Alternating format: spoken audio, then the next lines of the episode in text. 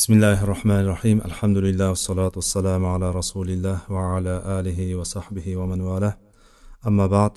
Assalomu alaykum va rahmatulloh allohimma jaalna min alladina yastami'una alqawl fayattabi'una ahsana. Alloh taologa hamdu sanolar bo'lsin.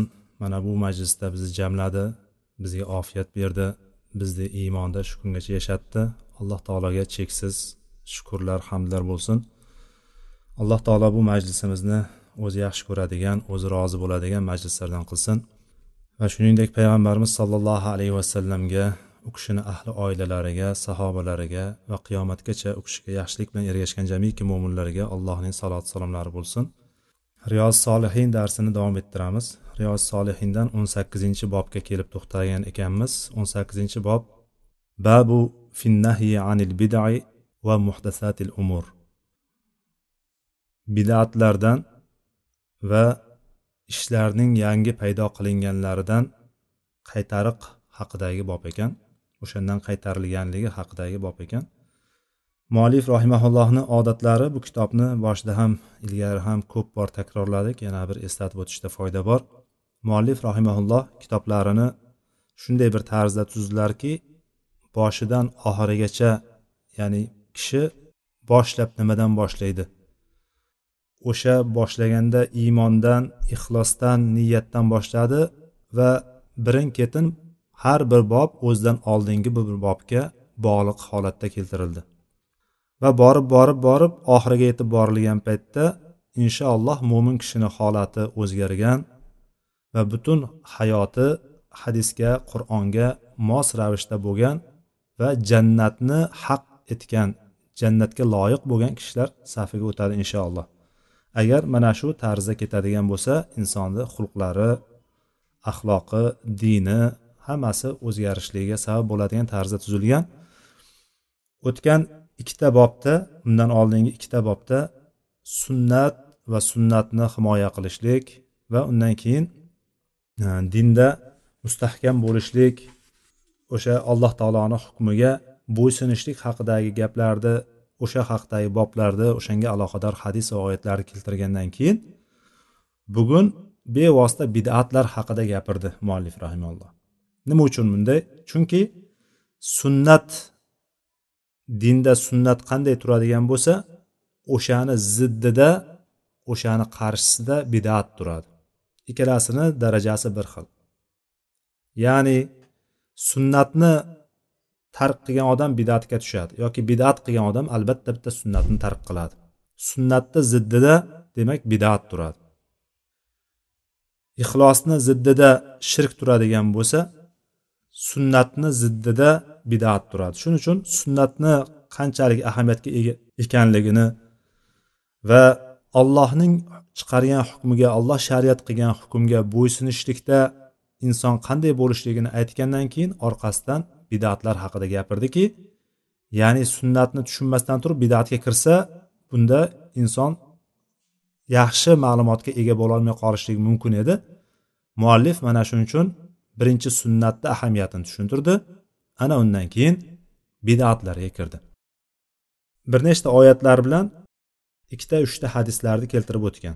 Aslida bu haqda juda uzundan uzun gapirsa bo'lardi lekin muallif rahimalloh mana shular bilan kifoyalangan va bu haqdagi oyatlar ham hammaga ma'lum va ko'pdir deb turib o'shan bilan kifoyalanib qo'ya qolgan قال الله تعالى فماذا بعد الحق إلا الضلال birinchi oyatni yunus surasini o'ttiz ikkinchi oyati ekan haqdan keyin faqatgina yo'ldan ozish bor xolos bundan boshqa yo'l yo'q deyapti oyatda haq deb turib bu yerda shariat din payg'ambarimiz sollallohu alayhi sallallohu alayhi vasallam olib kelgan shariat haqida gapiryapti ya'ni haqdan keyin haqiqatdan keyin faqatgina yo'ldan ozishlik bor zalolat bor boshqa narsa yo'q. Haq bitta chunki. Uni boshqa boshqa yo'llari yo'q haqqa boriladigan yo'l. Bitta yo'l o'sha yo'ldan chiqadigan bo'lsa faqatgina adashishlik zalolat bo'ladi. Bu yunus surasini o'ttiz ikkinchi oyat. Undan keyingi oyatda alloh taolo aytyaptiki ma farratna fil kitabi min shay. Biz kitobda biron bir narsani qo'ymasdan hammasini yozganmiz. Mufassir olimlarni ba'zilari bu e, kitobdan murod taqdiri azalda yozilgan kitob deb turib lavhul mahfuzga ishora qilgan bo'lsa bu yerdagi muallif rahimaullohni bu yerga qo'ygan o'rni u emas bu yerda kitobdan murod qur'on deb turib bu kishi she'rga qo'yyapti. Ya'ni mufassirlar orasida demak buni qur'on deganlar ham bor ekanki qur'onda biz biron bir narsani qoldirmasdan hamma narsani keltirganmiz. Hamma narsani birma bir aytib o'tganmiz degan oyatni bu o'ringa keltirdi. Bu anom surasini o'ttiz sakkizinchi oyat. Undan keyingi oyatda alloh taolo yana aytyaptiki fi shayin farudduhu va rasul. Agar biron bir narsada talashib tortishib qoladigan bo'lsalaringiz kelishmay qoladigan bo'lsalaringiz u narsani ollohga va payg'ambarga qaytaringlar deyapti. Ya'ni qur'on va sunnatga qaytaringlar deyilyapti. Bu niso surasini ellik to'qqizinchi oyat undan keyingi oyatda alloh taolo aytyaptiki va anna hada siroti mustaqiman fattabi'uhu va la tattabi'u subula fatafarraqa bikum an sabili. Payg'ambarimiz sollallohu alayhi vasallamni tilidan alloh taolo aytyaptiki va anna hada siroti mustaqima. Mana shu albatta mana shu mening to'g'ri yo'limdir. Mana shungagina ergashinglar. Fattabiuhu bas shunday ekan mana shu to'g'ri yo'l ekan mana shungagina ergashinglar. Vala tattabiu subula yo'llarga ya'ni subul ko'pligi sabilni ko'pligi sabil degan bitta yo'l bo'lsa subul ko'pligi o'shani ya'ni demak to'g'ri yo'ldan boshqa yo'llar o'zi ham yo'llar deyapmiz. To'g'ri yo'ldan boshqa yo'l demayapmizda. To'g'ri yo'l bor bitta bo'ladi. Shuning uchun bitta yo'l bitta kalimasi bilan keltiryapti. Yo'l bitta to'g'ri yo'l. Noto'g'ri yo'llar bo'lsa ko'pdir. Unga olib ketadigan noto'g'ri yo'llarga zalolat yo'llariga olib ketadigan yo'llar ko'pligidan qur'onda ham subul kalimasi ishlatilyapti. Yo'llarga boshqa yo'llarga ergashib ketmanglarki ular sizlarni ollohning yo'lidan uzib qo'yadi. Ollohni yo'lidan yo'lga olib boradigan yo'lni shunday uzib qo'yadi kesib qo'yadi o'sha yo'lni deb. Bu anom surasini bir yuz ellik uchinchi oyat ekan. Undan keyingi oyatda qul in kuntum tuhibbunalloha fattabi'uni yuhibbukumulloh va yaghfir lakum zunubakum. Ayting ey muhammad sollallohu alayhi vasallam. Odamlarga aytingki agar ollohni sevsangiz ollohni yaxshi ko'radigan bo'lsangiz menga ergashinglar deng. Ana o'shanda alloh taolo sizlarni ham yaxshi ko'radi va gunohlaringizni mag'firat qiladi dedi. Bu oli imron surasini o'ttiz birinchi oyat. Val ayatu fil bab kasiratun ma'lumatun deb turib mana shu yerda to'xtatyapti muallif rahimaulloh gapini. Ya'ni mana shu oyatlarni keltirdida orqasidan bu bobdagi bu bob haqida kelgan oyatlar ko'p va ma'lumdir dedi. Ma'lum hammaga ma'lum bo'lgan ko'pdir deb turib mana shu oyatlar bilan kifoyalandi. Bu oyatlarni har biriga ya'ni ma'nolari tushunarli. Bu oyatlarni aksariyatini oldingi darslarimizda ham gaplashganmiz va sharhlariga ham biroz kirishganmiz. Bu yerda ibn usaymiy rahimaullohni mana shu bidat haqidagi aytib o'tgan mana shu bobda aytib o'tgan sharhlariga biroz to'xtalamiz. O'sha o'sha bilan kifoyalansak ham bo'ladi degan umiddamiz. Bidat haqida hammamizni tushunchamiz bor. Bidat dinda yangi paydo qilingan narsa. Ya'ni yangi paydo qilingan narsa dinda bo'lishligi shart. U qayerdan bilamiz yangi paydo qilingan narsani? Yangi paydo qilingan narsa payg'ambarimiz sollallohu alayhi vasallamdan kelmagan u kishi davrida qilinmagan ishga o'sha ishni shunchaki qilib qo'yishlik emas dinda deb qilishlik degani o'shanda orqasidan alloh taologa yaqin bo'lishlik alloh taoloni alloh taolodan bir savob umid qilishlik degan narsa bo'lishligi kerak orqasida. Ya'ni shunchaki inson bir amalni qilib qo'ymaydi. Dinda deb aytilganligini sababi dinda bo'lishlik kerak o'sha amal. Chunki uni orqasidan bir umidi bor.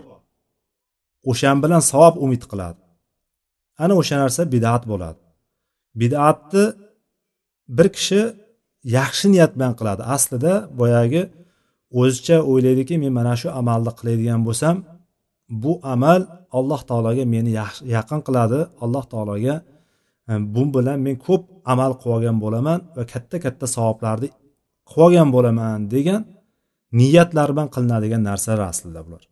Lekin niyati har qancha yaxshi bo'lsa bo'lsin lekin bu narsa qur'on va sunnatga to'g'ri kelmaydigan bo'lsa va qur'on va sunnatda yo'q bo'ladigan bo'lsa bu narsa bidat bidatligicha qolaveradi va bidat hadislarda kelgandek zalolatdir.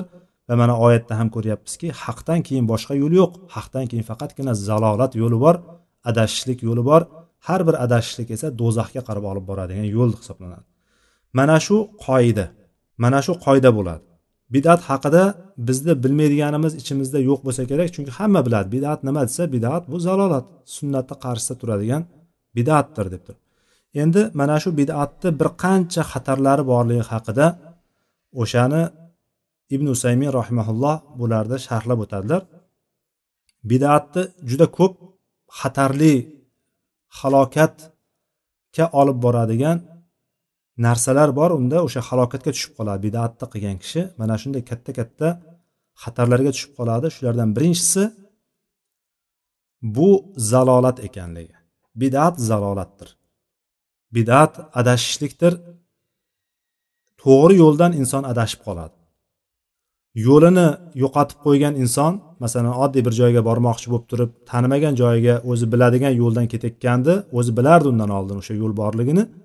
Lekin o'sha yo'ldan chiqib adashib qolgan kishi begona joy bo'ladigan bo'lsa u o'zini qaytib yo'lini topolmay qolishligi mumkin.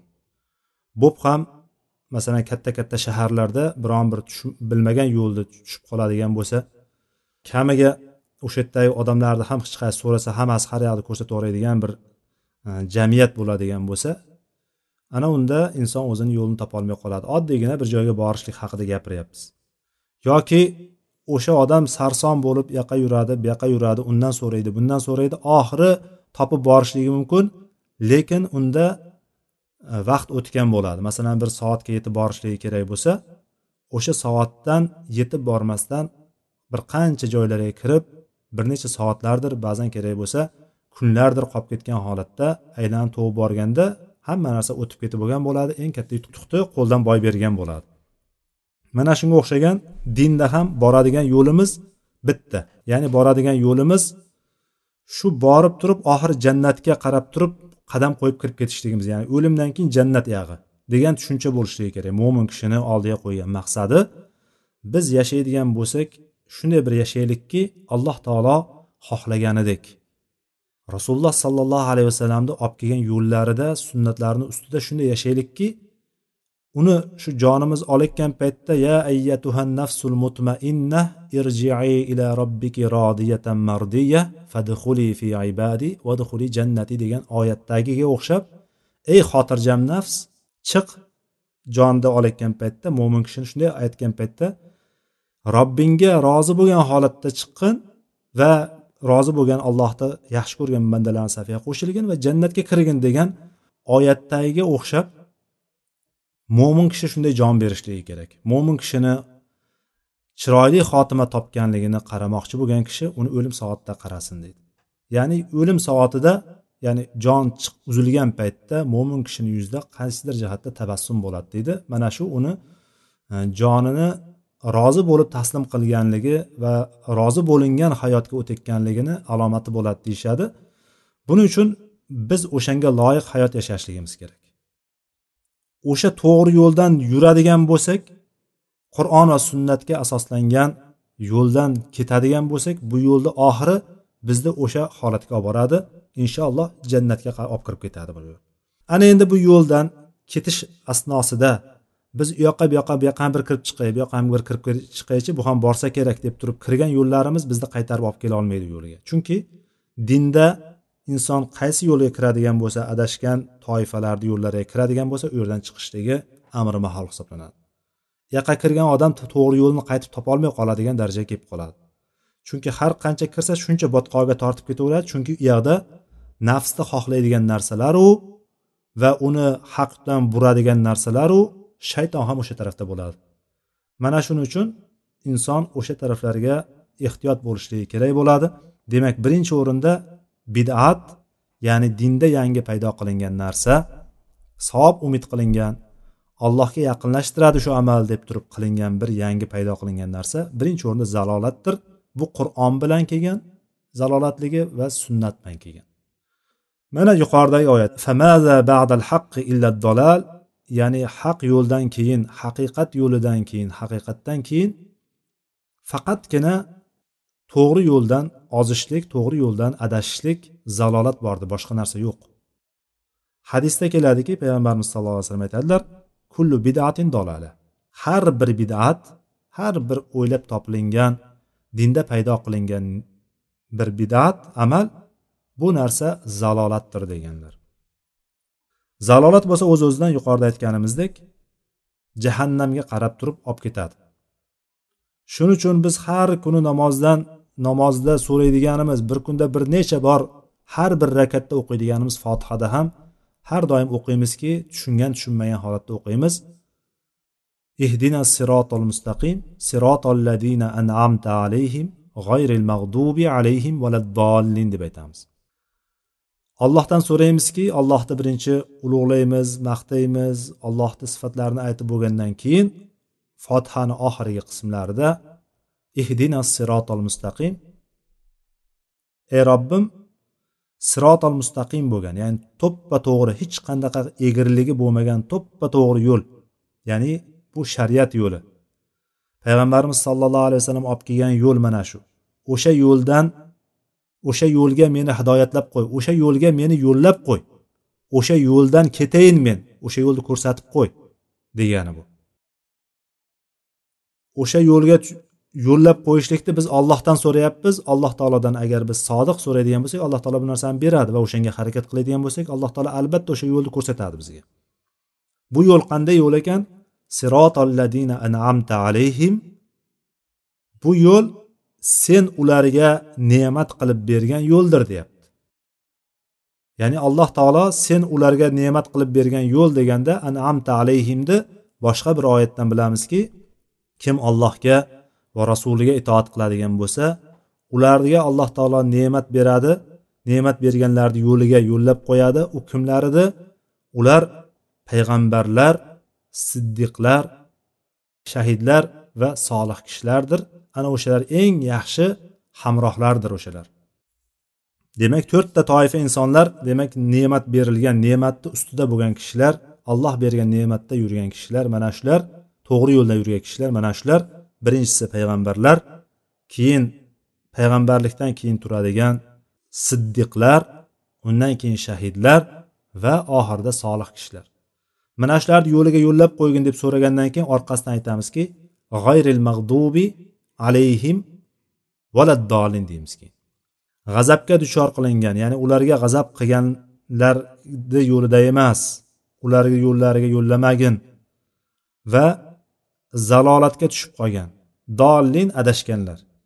Zalolatga tushganlar yo'liga yo'llamagin deb har kun so'raymiz. Mana shu dollinni ham alohida so'raymizki ular yo'ldan adashib qolishdi. Yo'ldan adashgan odam to'g'ri yo'lga qaytib kelishligi qiyin. Lekin mana bu narsani bilib aytishlik demak katta bir fazilati bor. Bu narsani biz har namozda o'qiyotgan paytimizda men har kun so'rayapman zalolatga tushib qolishdan allohim mana shunday qilmagin deb turib ichimizdan bizni adashtirib qo'ymagin. G'azabga duchor bo'lganlarni yo'liga yo'llamagin deb turib qalbimizdan o'sha narsani ma'nosini tushunib turadigan bo'lsak inshaalloh alloh taolo bu narsani beradi va mana shu yo'lga inshaalloh to'g'ri yo'lga yurishlikda alloh taolo bizga nasib qiladi. Bu birinchisi ekan. Demak birinchisi bidat zalolatdir. Ikkinchisi bidat payg'ambarimiz sollallohu alayhi vasallamga ergashishlikdan payg'ambarimizga ittibodan chiqishlikdir. Ya'ni payg'ambarimizga iqtido qilishlikdan ergashishlikdan tashqariga chiqishlikdir. Ya'ni bidat qilgan kishi bir bidatni qilayotgan kishi payg'ambarimizni yo'llaridan chiqqan bo'ladi. Payg'ambarimiz yo'llariga ergashmagan bo'ladi. Bunga oyatda alloh taolo aytyaptiki qul in kuntum tuhibbunalloha fattabi'uni yuhibbukumulloh. Va yaghfir lakum zunubakum. Yuqoridagi oyat muallif rahmaulloh keltirgan oyat. Ayting ey muhammad sallallohu alayhi vasallam ular ollohni yaxshi ko'raman deydigan bo'lsa menga ergashinglar deb ayting deyapti. Ya'ni demak ergashishlik. Bidatda aytdikki payg'ambarimiz sallallohu alayhi vasallam olib kelmagan yo'l ya'ni payg'ambarimizni yo'llarida bo'lmagan bir amalni qilib olishlik bidat dedik. Demak bidatni qilgan kishi payg'ambarimizni yo'lidan tashqariga chiqqan bo'ladi. Payg'ambarimizga ergashmayotgan bo'ladi. U ollohni har qancha men yaxshi ko'raman ollohni allohga yaqin bo'lishlik uchun mana shu amalni qilyapman deb turib har qancha davo qilmasin jar solmasin. Lekin baribir u ollohni muhabbatiga erisha olmaydi chunki er, allohni muhabbatiga erishishlikni bitta birdan bir sharti u ham bo'lsa payg'ambarimizga ergashishlik edi. Demak bidatchi payg'ambarimiz yo'liga ergashmayaptida o'zi bir narsani paydo qilib olib turib allohni muhabbatiga sazovor bo'lmoqchi bo'lyapti. U go'yo niyatida to'g'ri bo'lyaptida lekin qilayotgan ishi bilan o'zini niyatiga ya'ni noto'g'ri yo'lga qarab turib ketib qolyapti bu bilan adashib ketib qolyapti. Demak sharti payg'ambarimizni yo'liga ergashishligimiz kerak ekan. Bidatchi demak xatarga tushib qoladigan ikkinchi xatar payg'ambarimizni yo'llardan tashqariga chiqib ketayotgan bo'ladi. Bidat amalni qilayotgan odam. Uchinchisi uchinchi xatar. Bidat payg'ambarimiz sollallohu alayhi vasallamga shahodat keltiramiz. Masalan biz guvohlik beramiz. Shahodat kalimasini ikkita qismi bor bilamiz. Birinchi qismi alloh taologa shahodat berishlik. Ya'ni allohdan boshqa birorta ibodatga haqli bo'lgan zot yo'q deb turib guvohlik beramiz. Birinchisi ikkinchi qismi bo'ladigan bo'lsa va ashhadu anna muhammadan abduhu va rasuli deymiz ashhadu anna muhammadan rasululloh deymiz. Mana bu ikkinchi qismi. Ya'ni muhammad sollallohu alayhi vasallam ollohning payg'ambaridir deb guvohlik berishligimiz. Men guvohlik beraman deydigan bo'lsak mana shu bid'atni qilgan kishi mana shu qismiga shahodatni ikkinchi qismiga shahodatni ikkinchi qismini amalga oshishini o'shani haqiqiy e, ma'noda amalga oshishligini to'sib qolayotgan o'shani bekor qilayotgan o'shani inkor qilayotgan odam bo'lib qoladi. Chunki kim bu shahodatni ikkinchi qismi ya'ni ashhadu anna muhammadan rasululloh degan kishi ya'ni guvohlik beramanki muhammad allohning payg'ambaridir deb turib guvohlik bergan kishi u kishi olib kelgan yo'lni ushlashligi kerak. U kishi olib kelgan shariatni mahkam tutishligi kerak. Unga biron bir narsani qo'shishlik ham biron bir narsani olib tashlashmaslik ham kerak. Ya'ni biron narsani qo'shgan kishi payg'ambarimiz olib kelgan shariatni nuqsoni bor degan bo'ladi. Biron bir narsani agar olib tashlagan kishi payg'ambarimiz sallallohu alayhi vasallam olib kelgan narsa ortiqcha ekan deganday bo'ladi. Mana shuning uchun biron bir narsani qo'shmasdan biron bir narsani olib tashlamasdan shu yo'l qanday kelgan bo'lsa payg'ambarimiz qanday olib kelgan bo'lsa shariatni o'shanday ergashishlik bilan shahodat mukammal bo'lar ekan shahodat amalga oshar ekan. Biz aytayotgan tilimizda aytayotgan guvohligimizni amalga oshirgan bo'lamiz ekan. O'zi shahada degan kalimasi shohid bo'lmoq ya'ni ko'z bilan guvoh bo'lmoq degani. Payg'ambarimizni xuddi ko'z bilan ko'rib turgandek u kishini ko'rsatgan yo'llarni ko'z bilan ko'rib turgandek u kishi ko'rsatayotgan paytda olib kelgan qur'onni nozil bo'layotganini olib kelgan paytdagidek biz iymonimiz komil bo'lishligi kerak aslida. Ana o'sha shahodatni amalga oshishligi demak shariatda shariatga ergashishlik bilan bo'ladi. Bidatchi bo'ladigan bo'lsa bidat amalni qilayotgan kishi bo'lsa mana shu qismga teskari ish qilayotgan shahodati mukammal bo'lmagan shahodatni balki inkor qilayotgan payg'ambarimizni payg'ambar ekanligini muhammad sallallohu alayhi vasallamni payg'ambar ekanligini inkor qilayotgan kishiga o'xshaydi bu. Buni xatari mana shu uchinchi xatari shu ekan. To'rtinchi xatari bo'lsa islom diniga ta'na qilishlik. Bid'at o'zini ichiga oladigan narsalardan bittasi islomga ta'na qilishlik. Ya'ni islomga ta'na qilishlik degani islom mukammal kelmagan islomda nuqsonlik bor bu bidat bilan ya'ni mana shu amal bilan ularni aytishicha bu yaxshi amalim bilan o'sha mukammal bo'lmagan nuqsoni bo'lgan bir dinni to'ldirmoqchiman degani bo'ladi. Vaholanki alloh taolo qur'onda al yawma akmaltu lakum dinakum va atmamtu alaykum ne'mati va raditu lakumul islama dina degan. Bugun men sizlarga dinlaringni komil qilib berdim deyapti alloh taolo. Qur'on oxirgi nozil bo'layotgan paytda qur'on hamma musulmonlar din shariat mukammal bo'lib payg'ambarimiz sallallohu alayhi vasallam allohni risolasini yetkazib bo'lgandan keyin mana shu oyat nozil bo'ldiki bugun sizlarni dinlaringni mukammal qildim dedi alloh taolo.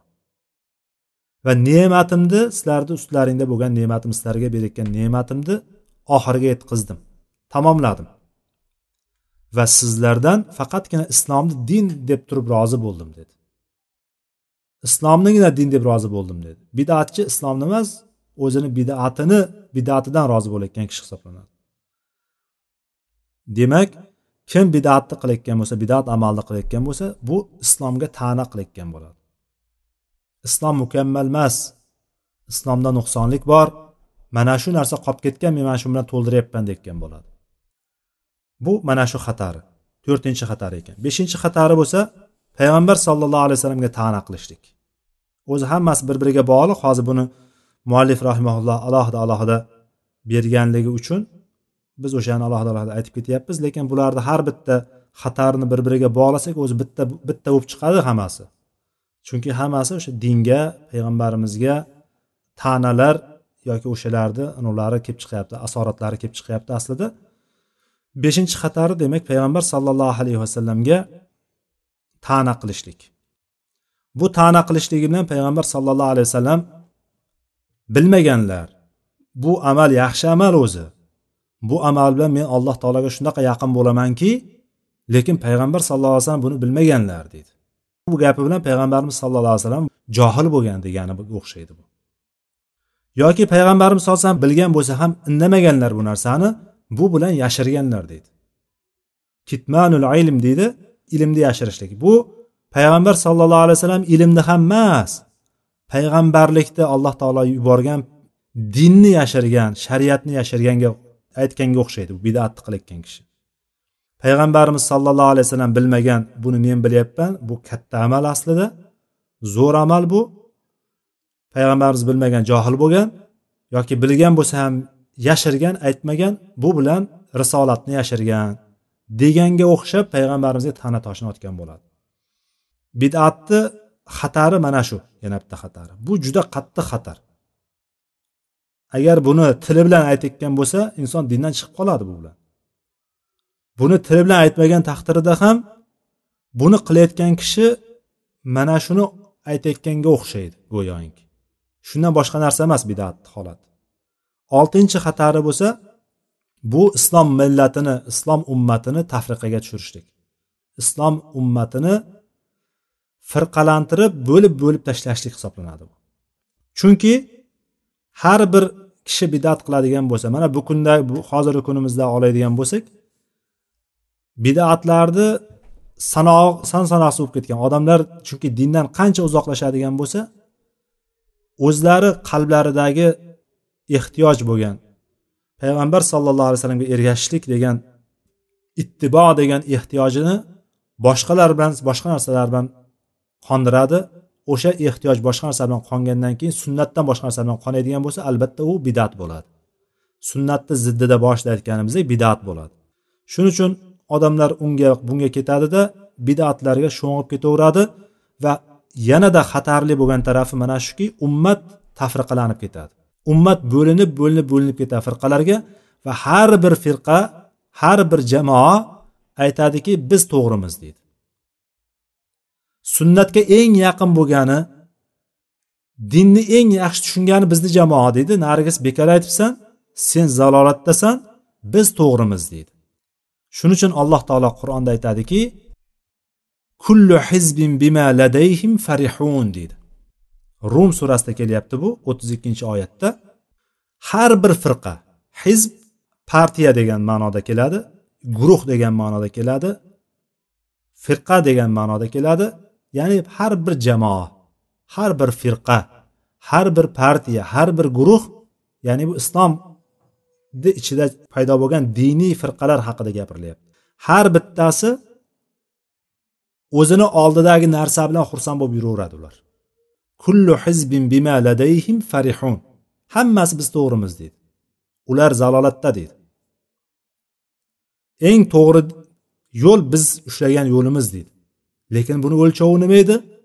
Buni o'lchovini biz yuqorida aytib o'tdik. Qul in kuntum tuhibbunalloha fattabi'uni yuhibbukumulloh va yag'fir lakum zunubakum deb oyatda aytdi alloh taolo. Ya'ni ular allohni yaxshi ko'raman deydigan bo'lsa menga ergashinglar deb ayting ey muhammad dedi alloh taolo. Ya'ni ularni qilayotgan har bir firqa o'zini har bir jamoa o'zini qanday yo'lda ekanligini bilmoqchi bo'ladigan bo'lsa qur'on sunnatga solishtirsin. Qur'on va sunnat olimlarini olib kelgan ko'rsatgan yo'llarini bir solishtirib ko'rsin o'zini qayerga boradi ekan. Lekin ularda solishtirishlik degan narsa yo'qki ular tepasiga bir johil kimsalar yo bo'lmasam g'arazi yomon g'arazli insonlar kelib olganki ularni xohlagan tarafda xohlagan tarafga qarab turib buryapti qo'g'irchoqni o'ynatgandek qo'g'irchoq qilib o'ynatyapti ularni. Nima desa o'sha shayxini aytgani aytgan degani degan undan boshqa odamni gapini eshitishni ham xohlamaydi mana shunday qilib qo'yadi. Ular o'sha boshqa narsani haqni izlamaganligi uchun haqni izlamaganligi uchun ularni qalbi mana shunday qotib qolaveradi. Zalolatga shuning uchun boshida aytganimiz zalolatga tushib qolaveradi. Ular chunki haqni xohlamayapti ular. Shu bid'atni siz bid'at ekanligini aytganingizdan keyin ham chiroyli uslub bilan yetkazib mana shu shunday deb turib aytib sunnatni ko'rsatib hadislarni aytsangiz ham bu o'zi bormi deb turadi. Bu o'zi bormi deb turadi. Yo inson men senga sahihaynda kelgan buxoriy va muslimda kelgan falon roviydan kelgan shunday hadisda aytyapman bu mana shu hadisdagi mana shu amaldagi mana asl bo'lgan mana shu deb tursangiz sizga shunday qarab turadiki go'yoki siz uni boshqa yo'lga boshlab ketayotganingizdek tushunib turadi. Chunki ular o'zlarini ergashishlik degan ehtiyojini g'arizasini boshqa narsa bilan qondiryapti ergashishlikda ular o'zlarini o'sha tepasiga turib olgan o'zlaricha bir narsalar to'qib aytib beradigan kishilarni o'zlariga lider qilib olib o'zlariga ideal qilib olib turib ergashishlik faqat shularga deb turib aytgan aytgan degan degan degan narsani o'shalarga qo'yib olganligi uchun haqni boshqa tarafdan kelayotganligini ko'rolmaydi ko'rishni xohlamaydi ham. Yanada ajablanarlisi qalbiga shubha ham tushmaydi. Siz hadisni ko'rsatasiz oyatni ko'rsatasiz hamma tomonni tushuntirib berasiz. Tushuntirib berganingizdan keyin ham yana hech narsa bo'lmaganda indamay chiqib ketaveradi yana. Yo inson qalbida ozgina shubha tug'ilib qolsa ham o'zi mustaqil borib turib kitobni ochib turib axtaraydigan qani nima debdi ekan shu yerda? Haqiqatdan shu hadis bormikan? deb turib ochib o'qimaydi shuni. Vaholanki bu hadislar tarjimalari bor. Boshqa kitoblarda ham masalan riyoz solihinni oladigan bo'lsak hamma joyda bor tarjimasi. O'zbekchada ham bor boshqa tillarda ham bor. Yoki buxoriy tarjimasini oladigan bo'lsak hamma tillarda bor. O'zbek tilida ham bor. Imom muslim tarjimasini oladigan bo'lsak hozir o'zbek tilida ham pashta bir qismi chiqib ancha muncha qismi chiqqan termiziyniki bor. Ya'ni inson eng bilmadim desa hozirgi zamonda internet bor. Internetga yozsangiz chiqib kelyapti qatorlashib ya'ni o'shani ham qilmaydida agar sal boyagi sizni gapingiz qattiqroq ta'sir qilib qoladigan bo'lsa borib turib yana o'sha domlasidan so'raydiki shayxidan so'raydiki mana shu bormi? desa yo'q unaqa narsa bekor aytibdi desa bo'ldi shu bilan xotirjam ketaveradi yana. Ya'ni shu darajada insonlar ergashishlikni agar boshqaga qiladigan bo'lsa ittiboni boshqaga qiladigan bo'lsa mana shunday bo'lib ketaveradi va yanada ajablanarlisi ular har bittasi men to'g'riman deb ketaveradi. Chunki buni alloh taolo aytyaptiki kullu hizbin bima ladayhim farihun. Har bittasi o'zlarida bo'lgan narsalar bilan xursand bo'lib yurishaveradi. Va boshqalarni zalolatda deydi. Siz haqni ko'rsatadigan bo'lsangiz siz zalolatdasiz. Siz adashib yuribsiz. Mana shunday tushunib turaveradi. Shuning uchun biz bidatdan shunaqa qattiq qo'rqib shunaqa qattiq bir ehtiyot bo'lishligimiz kerakki amallarimizda xuddi shirkdan e'tiqodda shirkdan qanday ehtiyot bo'ladigan bo'lsak amallarda bidatlardan shunaqa ehtiyot bo'lishligimiz kerak. Bu eng katta xatarlardan bittasi. Insonlarni ya'ni tafriqalantirib tashlaydigan narsalardan bittasi. Va masalan ba'zilar aytadiki o'zlariga tafriqalarni boshqalarni zalolatda deb turib har xil masalan olaylik mavludni olaylik misol. Mavludni bidatligida ochiq oydin dalillar bor. Aytadiki nimaga biz endi payg'ambar sallallohu alayhi vasallamni mana shu tug'ilgan kunlarini bir nishonlamaylik deb turib mana shu robil avval oyida odamlar mavludlar o'qitadi boshqalar qiladi qilayotgan narsalarni o'zini tagi tubi nimaligini qayerga borishligini bilishmaydi. Hattoki shu oxirgi paytlarda shu masjidlarda ham shuni mana shu mavludlarni o'qib turib o'shalarni odamlarga na tushuntirish bor na boshqa bor o'shalarni o'qishlikka harakat qiladi to'g'ri payg'ambarimiz sallallohu alayhi vasallam tug'ilganligi butun olamga o'sha paytlarda ya'ni rahmat bo'lib kelgandi payg'ambarimiz. Lekin payg'ambarimiz sallallohu alayhi vasallam hayotligida qilmagan ishni va sahobalar ham payg'ambarimizni sahobalardek ulug'lagan sahobalardek hurmat qilgan u kishini yaxshi ko'rgan kishilar qiyomatgacha bo'lmaydi unaqalar chunki ular bevosita payg'ambarimizni ko'rganlar u kishini yonida yurganlar xizmatlarini qilganlar qanchalik darajada masalan o'sha u kishini hurmatini hech qaysi ummat hech qaysi bir kishi qilolmaydigan darajada ular hurmatini joyiga qo'yishgan. Lekin shunda ham payg'ambarimiz tirikligida qilmagan ishni payg'ambarimiz olamdan o'tgandan keyin ham qilmaganlar. Payg'ambarimiz olamdan o'tgandan keyin ham u kishini tug'ilgan kunlarini biron marta nishonlagani kelmaydi. Yoki bir eslab olaylik payg'ambarimiz sollallohu alayhi vasallam shunaqa edi deb turib payg'ambarimiz unday edi payg'ambarimiz bunday edi undaqa edi bundaqa edi deb turib hozir masalan she'riy uslubda qilib turib o'sha qasidalarni o'qiyotganda she'riy uslubda. Uni tarjima qilib olib turib o'zlarini tillarida o'qiyotganlar ham bor. Mana shularni payg'ambarimiz sahobalar qilmagandi. Nima sen dinni payg'ambarimizdan yuqoridagi payg'ambarimizni ta'nada bu. Payg'ambarimizdan bitta pastga tushib sahobalarga ta'na keyin. Sahobalar payg'ambarimizni yetarlicha ulug'lolmagan biz ulug'layapmiz deganda. Sahobalar tobeinlar yoki islomdagi o'zini o'zicha ilmliman olimman deb yurganlar deb aytadi bular. Olimman deb yurganlar ahli baytni hurmat qilisha olmagan biz hurmat qilamiz dekkanday rofizalarni gapiga o'xshab. Rofizalar shunday deydi masalan. Ahli baytni biz ahli baytni himoya qilyapmiz ahli baytga biz yordam beryapmiz deb turib ular har xil shunaqa bidatlarni to'qib tashlashdiki ular birinchi boshlagandan sahobalar so'kishlikdan boshladi ular. Sahobalar mana shunaqa qildi bunaqa qildi ali roziyallohu anhuga qarshi chiqdi bunaqa qildi. Hatto shu unda ham to'xtamadida tepagacha chiqdi hatto payg'ambarni ham so'kadigan darajaga chiqishdi. Payg'ambar ham qolib ketdida ular jibril alayhissalomni so'kadigan joygacha kelishdi. Ya'ni bular shunchalik darajaga zalolatga kirgandan keyin inson shunaqa botqoqqa botib ketaveradiki undan chiqishlikni imkoni bo'lmaydi illo olloh xohlasa agar u haqqa qarab intiladigan bo'lsa alloh taolo albatta beradi unga. Bu demak oltinchi e, xatari ekan. Yettinchi xatari bo'ladigan bo'lsa sunnatni yo'qolishligiga sabab bo'ladi. Bidat sunnatni yo'qotishlikka sabab bo'ladigan narsa. Ummatni ichida sunnatni yo'q bo'lishligiga sabab bo'ladigan narsa. Chunki shunaqa bir narsaki ya'ni bitta narsa qo'y bitta narsa uchun qo'yadigan joy bor. Tasavvur qiling. Agar yoningizda agar kitob javoni turgan bo'lsa kitoblarni taxlab qo'yibsiz. Kitoblarni ichida bironta joyi yo'q hozir deylik. Mana bitta polkada hech qandaqada bitta tokchada hech qaysi birida kitobga joy yo'q.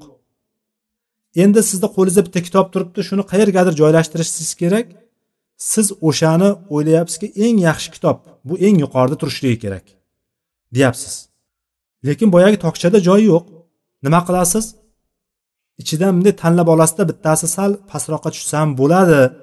Buni bir yerga qo'yib qo'ysa ham yoki bir stol ustiga qo'yib qo'ysa ham bo'laveradi. Javonda turishlik shart emas deb turib bittasini olasizda o'rniga siz o'sha yaxshi degan kitobni qo'ysangiz o'sha bo'ladi. Ya'ni bu men misol qilib aytganim o'xshatish qilib aytyapman. Siz qo'lingizda ko'tarib olgan narsa siz uchun eng qadrli bo'lib turgan narsa bu bidat deylik. O'sha kitob. Buyoqdagi polkadagi tokchadagi hamma turgan kitob sunnat. O'sha sunnatdan bittasini olyapsizda olib qo'yib turib o'rniga bitta bidatni qo'yyapsiz. Xuddi shunday. Ya'ni ikkalasi ham bir joyga joylashmaydi hech qachon. Ya'ni albatta inson bitta bidatni qilsa o'shani muqobilida albatta bitta sunnatni otib yuboradi bitta bitta sunnatni tashlab yuboradi odamlar o'sha qaysi amal bo'lishligidan qat'iy nazar bitta amalni bitta bidatni qiladi o'shani o'rnida qilinadigan sunnat yo'qolib boraveradi. Ikkalasi ham barobar qilmaydi insonlar. Mana bu yettinchi xatari ekan. Yettinchi xatari undan keyin bidat qilgan kishi bidatchi kitob va sunnatma hukm qilinishligini xohlamaydi. Kitob va sunnat bilan hukm qilishligini xohlamaydi. Bidatchi o'zini havoyi nafsi bilan o'zini tutib olgan yo'li bilan hukm qilinishlikni xohlaydi. Siz unga qur'on va sunnatdan dalil keltiradigan bo'lsangiz yo'q men buni emas men bunday deb o'ylayman bu narsa to'g'ri bo'lishligi kerak deb turib o'zini havosini havosiga qaytadi. Qur'on va sunnatga qaytmaydi u. qur'on sunnatdan o'ziga topib olgan joylarinigina ushlab olib turib o'zini dalil qilib ko'rsataveradi. O'sha dalillari bidatiga sabab bo'laveradi.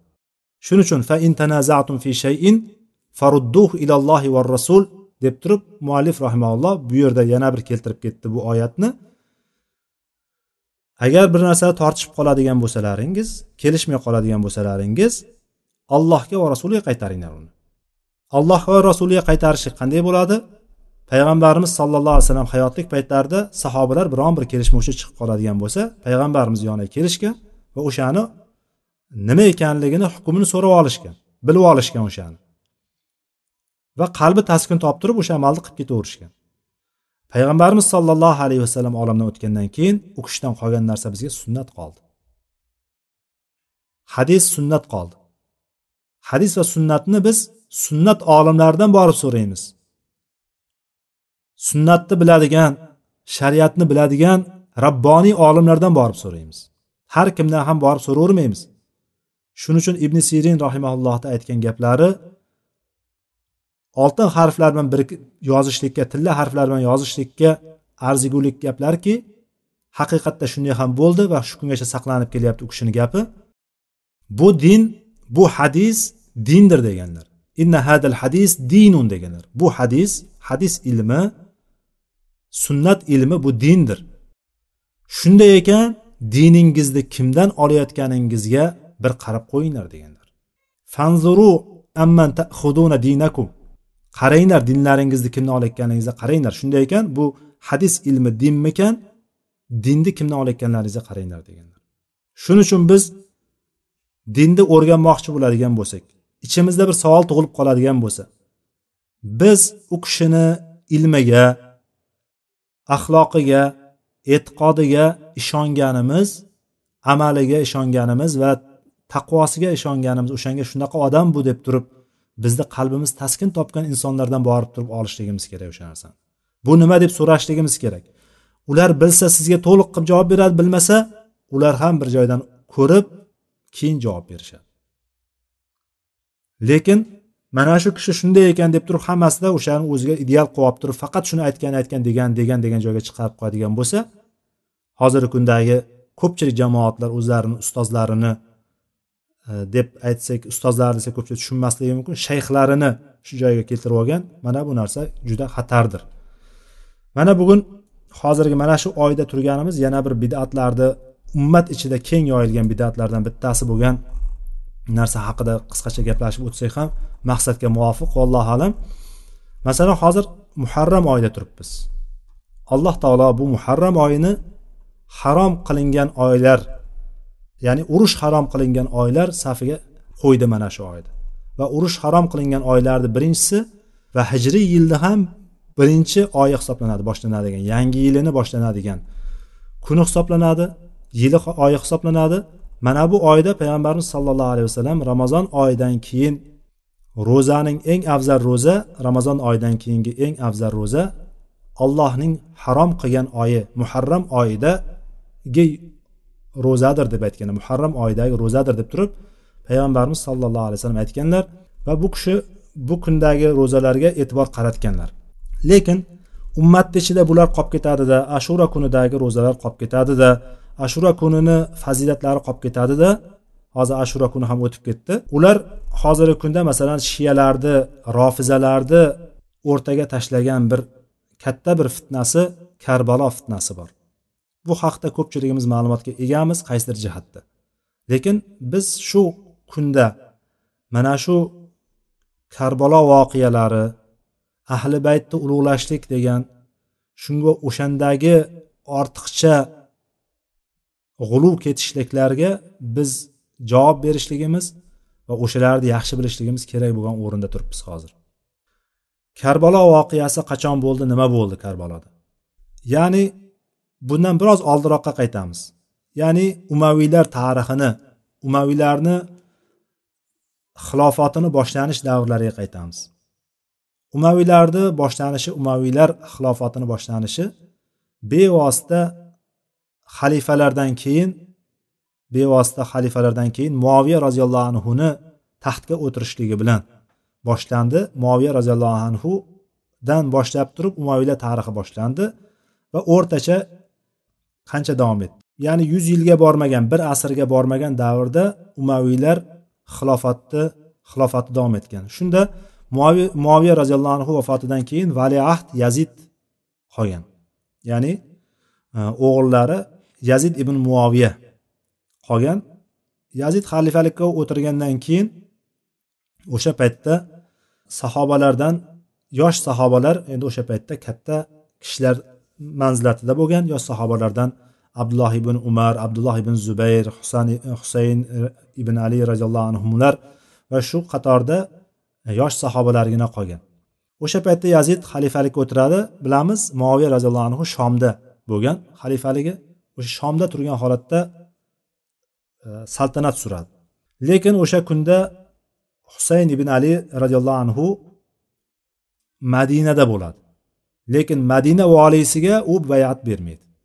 Chunki o'sha paytdagi voliylar bilamiz xalifani yordamchilari ya'ni bizni kunda hozir hokim deymizu masalan falonchi shaharni hokimi toshkent shahar hokimi e, yoki boshqa joyni hokimi deganday oblast hokimi deganday xuddi shunday oblastlarni tasavvur qiling. Mana shom bo'ladigan butun islom davlati bo'ladigan bo'lsa o'shalarni har bitta viloyati bo'lgan o'sha viloyatlarni voliysi hozirgi kundagi hokimga to'g'ri keladi. Voliysi bo'lgan o'shalar. O'sha voliyga bayat bermaydida hammasi makkaga qarab ketadi. Husayn roziyallohu anhu ham abdulloh ibn umar ham abdulloh ibn zubaylar ham hammasi makkaga qarab turib yo'l olishadi. Ya'ni o'sha yerda unga bayat berishmaydi. O'shani bayat berishlikka loyiq ko'rmaganligi uchun bayat bermaydi. Bundan xabar topgan odamlar va o'shanga ya'ni yazidni xalifa bo'lishligidan xohlamagan odamlar sekin asta husayn roziyallohu anhuni ya'ni payg'ambarimiz sollallohu alayhi vasallam nevaralari bo'lgan husayn roziyallohu anhuni atrofiga kelib turib u kishiga o'zini sadoqatini bildirib u kishini umidlantirib boshlaydi. U kishini shunchalik darajada biz sen bo'lishing kerak sen undaysan sen bundaysan sen asli xalifamiz bo'lishing kerak degan narsalar bilan u kishini umidlariga ko'mib tashlaydi. Va bundan shu kungacha davom etib kelayotgan umar roziyallohu anhuni davridan kurtak otib boshlagan fitna fitnachilar fitna ahli bundan xursand bo'lishadi. Bundan xursand bo'lib turib endi mana musulmonlarni o'rtasini parchalab tashlashlikka yo'l topdik deydi. Bularni boshlari o'sha paytlarda kufada bo'ladi. Kufa bilamiz ali roziyallohu anhuni xilofatini surdirgan davri. Joyi. Kufa ahli iroqda ya'ni kufa ahli o'sha yerdagi fitnachilar hammasi husayn roziyallohu anhuni makkaga borib borib joylashganligi yazidga bayat bermaganligini eshitib qattiq xursand bo'lishadida ularni ishlarida umid paydo bo'ladi. Yana bir musulmon ummatini islom ummatini yana bir marta qorishtirib hamma tomon bo'lib parchalab tashlashlikka yana bir imkon bo'ldi deb turib o'shanga harakat qilishadi. Chunki bularni asli borib taqaladigan joyi rofizalarni borib taqaladigan joyi abdulloh ibn saba al yahudiy asli asli yahudiy bo'lgan islomini o'zini ko'rsatib turib musulmonlarni ichida yurib keyin fitnalar chiqargan hatto ali roziyallohu anhuni sen xudosan deydigan darajaga borgan mana shu kishi bo'ladi asli. Ularni mana shunaqa g'araz maraz niyatlari bilan mana shunaqa holatlarga borgan kishilar. Ular ketma ket xat yozib turib jo'nataveradi. Ya'ni biz seni qo'llaymiz quvvatlaymiz kelsang seni biz taxtga o'tqizamiz umayyani og'daramiz deb turib tinimsiz bu kishiga yozavergandan keyin bu kishi ham o'shan bilan havolanib qoladi. Husayn roziyallohu anhu ham o'shanga demak o'zida layoqat demak men ummat tepasiga chiqishim kerak ekan. Ummat shunaqa bir holatda qolibdiki ya'ni menga muhtoj bo'lib qolibdi ummat.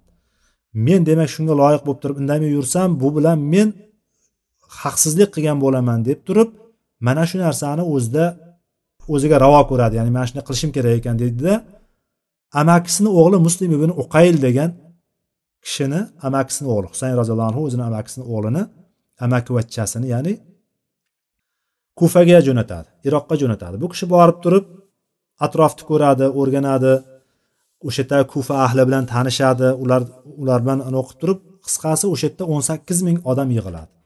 o'n sakkiz ming odam uni atrofiga to'planadida hammasi husayn roziyallohu anhuga bayat berishlikka bir ovozdan kelishishadi. Bitta sharti bo'ladi husayn roziyallohu anhu kufaga kufaga keladigan bo'lsa biz uni qo'llaymiz quvvatlaymiz deydi. O'sha paytlar kufani tepasida no'man ibn bashir roziyallohu anhu turgan bo'ladi. No'man ibn bashir bilamiz yosh sahobalardan. Yoshlari ham balki hasan husaynlarni yoshlariga yaqin bo'lgan bir yoshda. Ya'ni bu hijratdan keyin tug'ilgan payg'ambarimiz sallallohu alayhi vasallam hijrat qilib kelganlaridan keyin tug'ilgan farzandlar bolalardan ya'ni yosh bolachalardan. Shu kishi no'man ibn bashir sahoba bu yosh sahobalardan. O'sha kishi o'sha paytlar kufada voliy bo'lib turgan payti bo'ladi. Yazidni odamlaridan bo'ladi ya'ni yazid buyoqda e, shomda xilofatda bo'lib turgan bo'lsa tepasida bu o'shani bir hokimlaridan bittasi bo'ladi.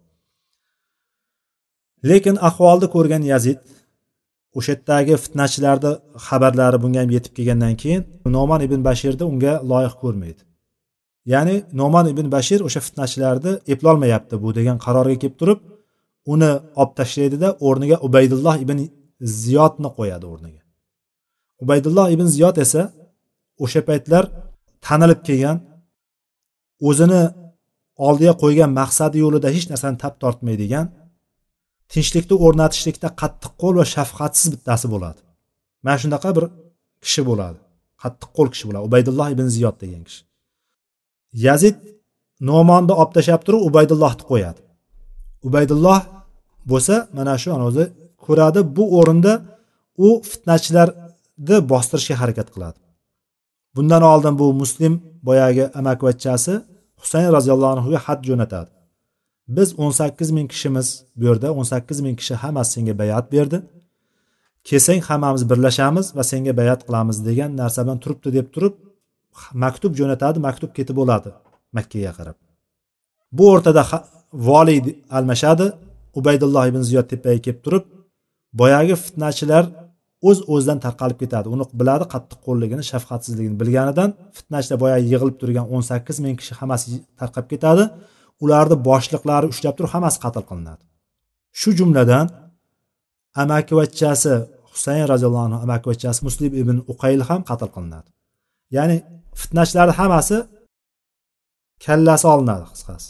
Hammasi qatl qilingandan keyin bundan bexabar husayn roziyallohu anhu naryoqda chunki oldingida telefon bo'lmagan internet bo'lmagan xabar vositalari oylab ya'ni kufa bilan makkagacha bo'lgan oraliqda oylab masofada kelgan ma'lumotlar. Bu kishi o'zini atrofiga odamlarni to'plab aka ukalari qarindosh urug'lari bola chaqasi hammasini olib turib sakson kishiga yaqin deb keladi.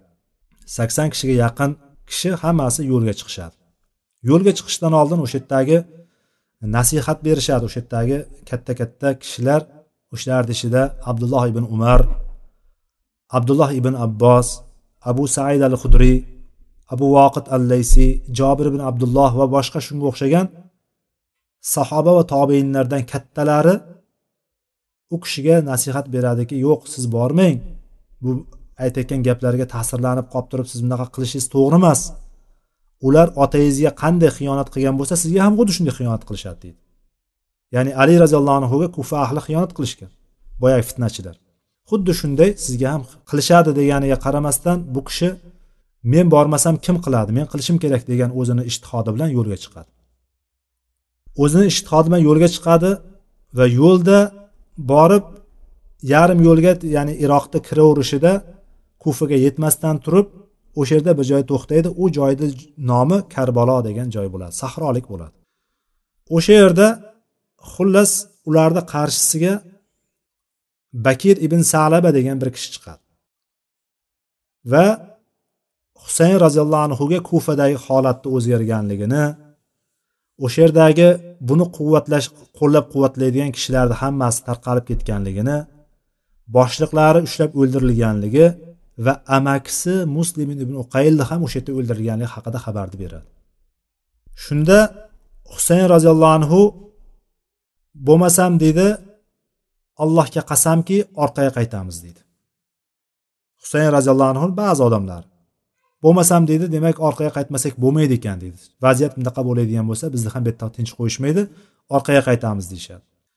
Lekin boyagi muslim ibn uqayl buni amakivachchasi dedik dedik husayn roziyallohu anhuni.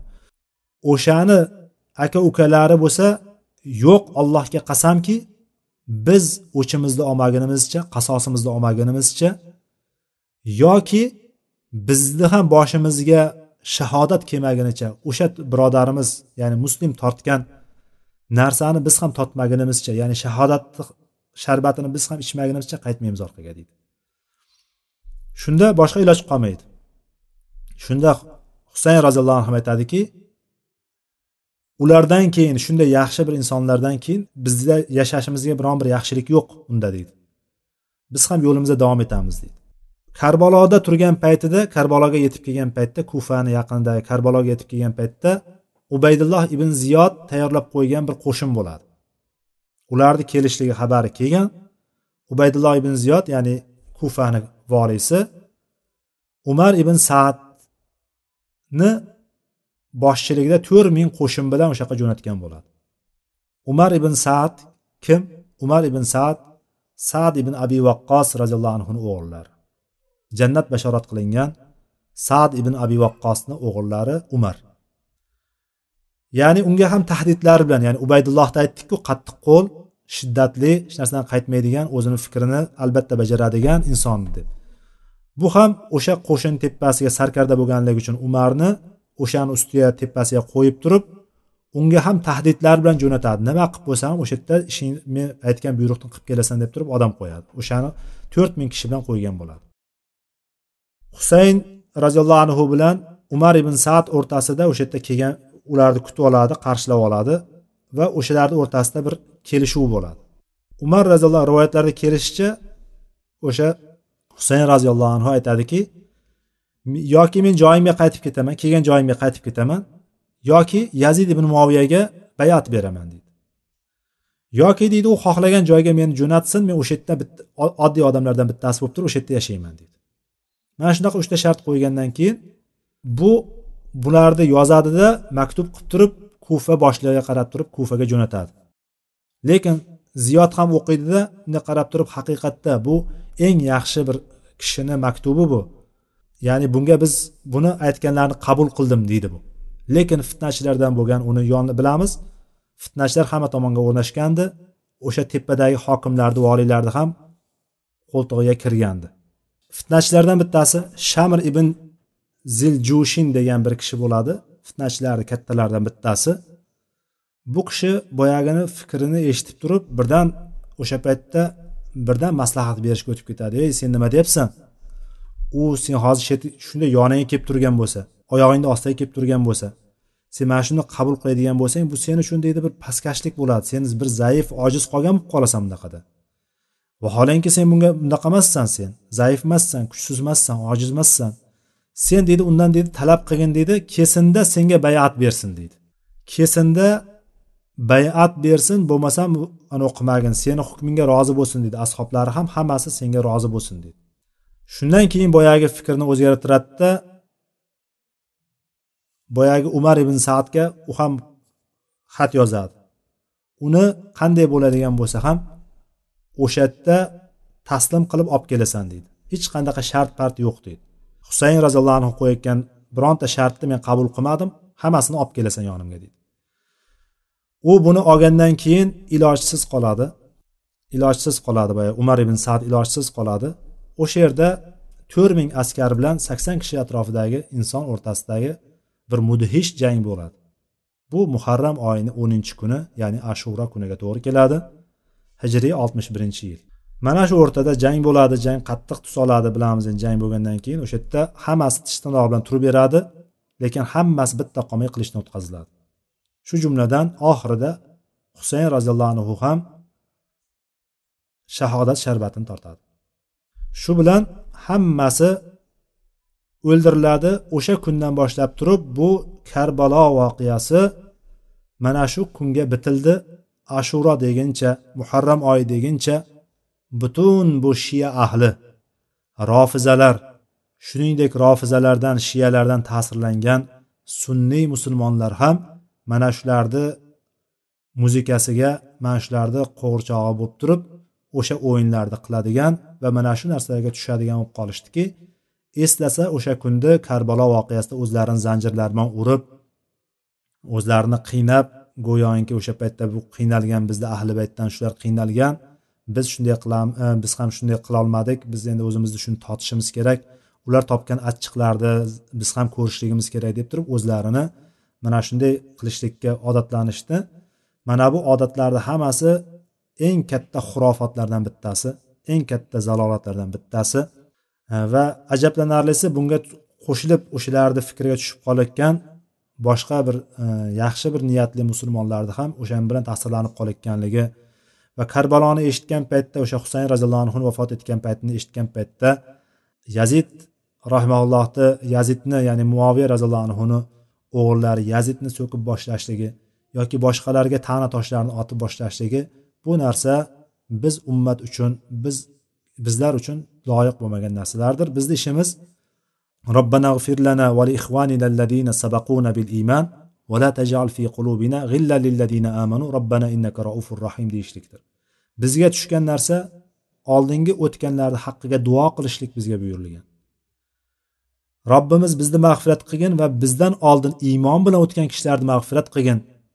Ularni to'g'risida ular haqida bizga biron bir qalbimizda g'ilg'ash qoldirmagin. Shunday deb aytadi deb turib qur'onda aytishgan. Bizni vazifamiz shu ularni o'rtasida bo'lib turgan narsa bizga bog'liq emas endi. Ular o'rtasida bo'lgan narsa kimdir ishtihod bilan qildi. Kimdir boyagi bir fitnachini gapiga aldanib qolib turib bir hukmni buyrug'ini berib yubordi. Ikkinchisi buyruqqa ilojsiz o'sha buyruqni amalga oshirdi. Mana shunday qilib turib o'rtada mana shu narsa bo'ldi. Bu voqea bo'lib bitdi. Lekin bundan keyingi bizni vazifamiz nima? Bu asli boshlab turgan shu fitnachilar husayn roziyallohu anhuni o'limiga sabab bo'lgan kishilar ham o'shalar husayn roziyallohu anhu o'limiga sabab bo'lgan kishilar ham aslida o'sha fitnachi kufaliklar. Kufaliklar bu kishini aldadi avradi husayn roziyallohu anhu o'shanga ishonib qolib turib keldi. Kelgan paytda ular hammasi qochib ketgandi hammasi tarqab ketgandi. Biron kishi qo'lini cho'zgani yo'q.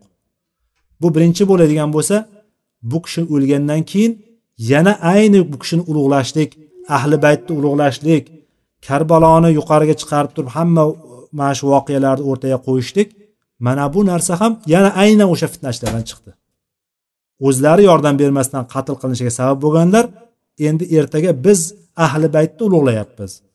Biz o'sha paytda shu kishini biz himoya qilolmadik u kishi mana shunday o'ldirildi deb turib suvsizlik bilan o'zlarini qiynaydi o'zicha suv suv ichmasdan muharram ro'zasini tutishadi muharram oyida ro'za tutishadi suv ichmaydi umuman.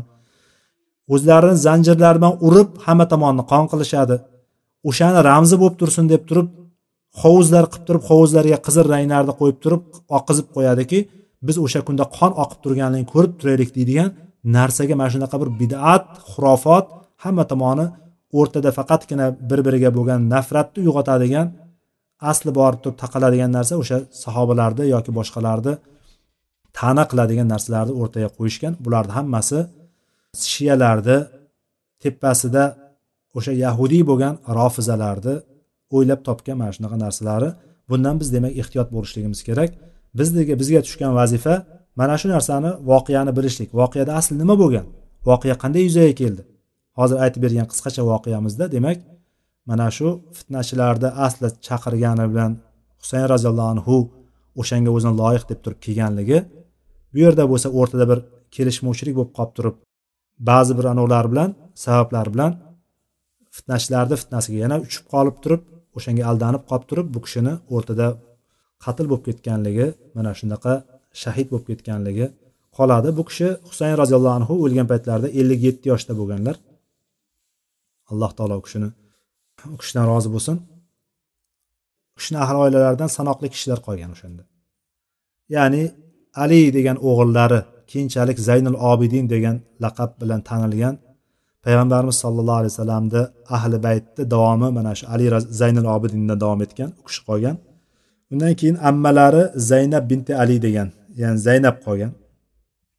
Va ukasi umar singlisi fotima va sakina degan singillari qolgan ekan. Alloh taolo ularni hammasidan rozi bo'lsin. Xullas karbalo voqeasi mana shu bilan e, nihoyasiga yetgan. Karbalo deganda masalan mana shu narsa tushuniladi. Bundan ortiq narsa emas. Lekin undagi qilinayotgan narsalar boya aytganimizdek hammasi mana shu bugungi anovimizga mavzumizga bog'liq bo'lgan bidatlar xurofotlardir. Bundan uzoq bo'lishlik kerak.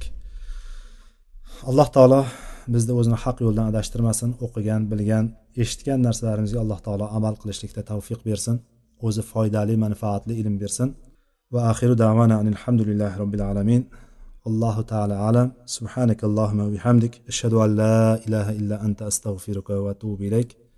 Vassalomu alaykum va rahmatullohi va barakatuh